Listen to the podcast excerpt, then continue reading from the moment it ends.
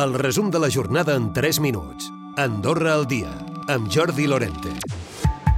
Notícia luctuosa la que ens deixa aquest dijous. Un home de 40 anys que conduïa un patinet elèctric moria al matí atropellat per un camió a l'Avinguda Salou, d'Andorra la Vella. L'home circulava per la vorera i s'hauria desviat de la seva trajectòria. Esdevé la primera víctima mortal d'aquest 2023 a les carreteres del país i la primera circulant amb aquest tipus de vehicle de mobilitat personal.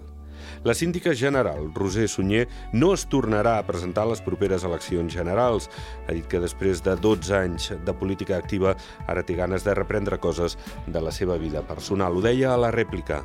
Jo sempre vaig dir que faria un, un període, eh? perquè sóc una persona de... M'agrada...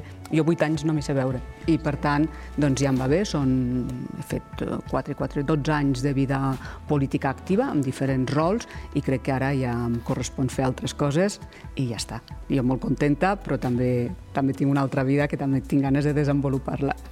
I mentre en la sessió de control al govern, els socialdemòcrates han retret que la concessió de l'heliport podria suposar un sobrecost de 10 milions d'euros. S'hi referia el president del grup parlamentari socialdemòcrata, Pere López. I he de recordar una vegada més, senyor eh, Gallardo, el que al meu entendre són les males formes i ocultació d'informació que fins i tot vostè ha posat per l'escrit a les preguntes eh, que vaig formular. Fet que també li haig de dir finalment és una informació pública que ha fet que gairebé tothom que hagi tingut accés i l'hagi llegit hagi pensat allò de que aquí hi ha gat amagat. En aquest sentit, el PSC, el grup parlamentari, presentarà una moció al Consell General per aturar el projecte.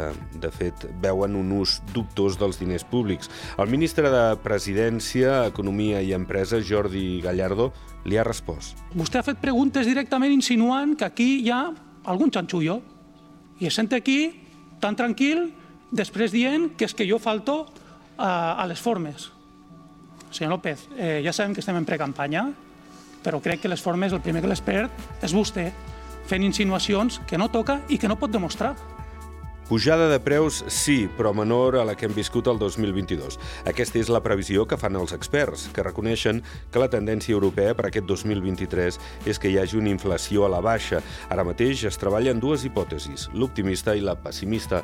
En parla l'assessor fiscal, Pau Auger. Potser a nivell de, eh, de subministraments eh, hi haurà elements conjunturals a nivell global que podran fer que la inflació eh, sigui més baixa del que, del que veritablement estimem, però eh, nosaltres som més del parer que ens anirem més al 4,5 que al 3,5. El cònsol major de Sant Julià de Lòria titlla de demagog al govern pel projecte del vial d'entrada a la parròquia, una construcció que, segons Josep Majoral, es porta endarrerint des del 2015. Demana una decisió urgent. Recupera el resum de la jornada cada dia a Andorra Difusió.